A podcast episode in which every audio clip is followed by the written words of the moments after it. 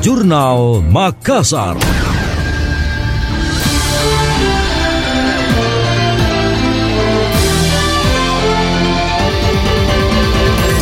Selain menjadi pusat pendidikan dan dakwah, pondok pesantren juga memiliki fungsi sebagai pusat pemberdayaan masyarakat. Oleh karena itu dengan persebaran pesantren yang luas hingga ke seluruh Indonesia, fungsi pemberdayaan ini harus semakin ditingkatkan.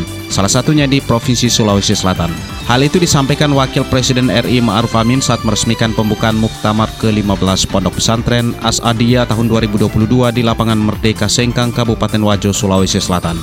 Wapres menyampaikan salah satu langkah yang dapat dilakukan pesantren dalam pemberdayaan masyarakat adalah dengan penguasaan teknologi dan program One Pesantren One Product atau satu pesantren satu produk. Pada kesempatan yang sama, Wapres juga menjelaskan pemberdayaan masyarakat termasuk ke dalam tujuan syariat Islam.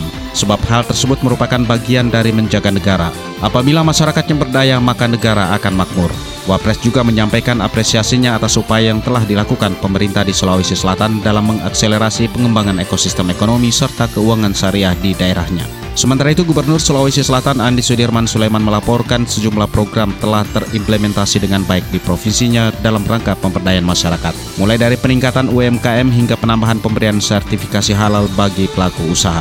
Ia berharap ke depan dengan dukungan pemerintah pusat upaya pemberdayaan masyarakat di Sulawesi Selatan dapat lebih ditingkatkan lagi. Wakil Presiden RI Ma'ruf Amin mendorong percepatan konversi Bank Sulselbar menjadi bank syariah yang sifatnya universal.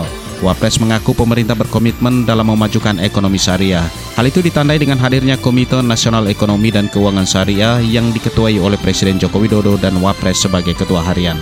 Menurutnya potensi ekonomi dan keuangan syariah di Sulawesi Selatan sangat besar. Oleh karena itu dirinya mendukung rencana Bank Sulselbar dikonversi menjadi Bank Sulselbar Syariah. Sementara itu PLT Direktur Utama Bank Sulselbar Yuli Sunandi menyampaikan saat ini proses transformasi Bank Sulselbar menjadi Bank Syariah tengah berjalan.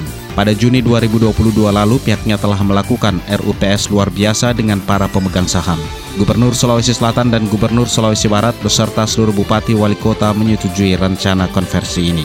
Yulis menuturkan dukungan Wakil Presiden dan seluruh pemegang saham menjadi penyemangat untuk bekerja lebih keras lagi. Pihaknya berharap nantinya Bank Sulselbar akan menjadi bank syariah universal yang mengayomi seluruh masyarakat dengan kearifan lokal.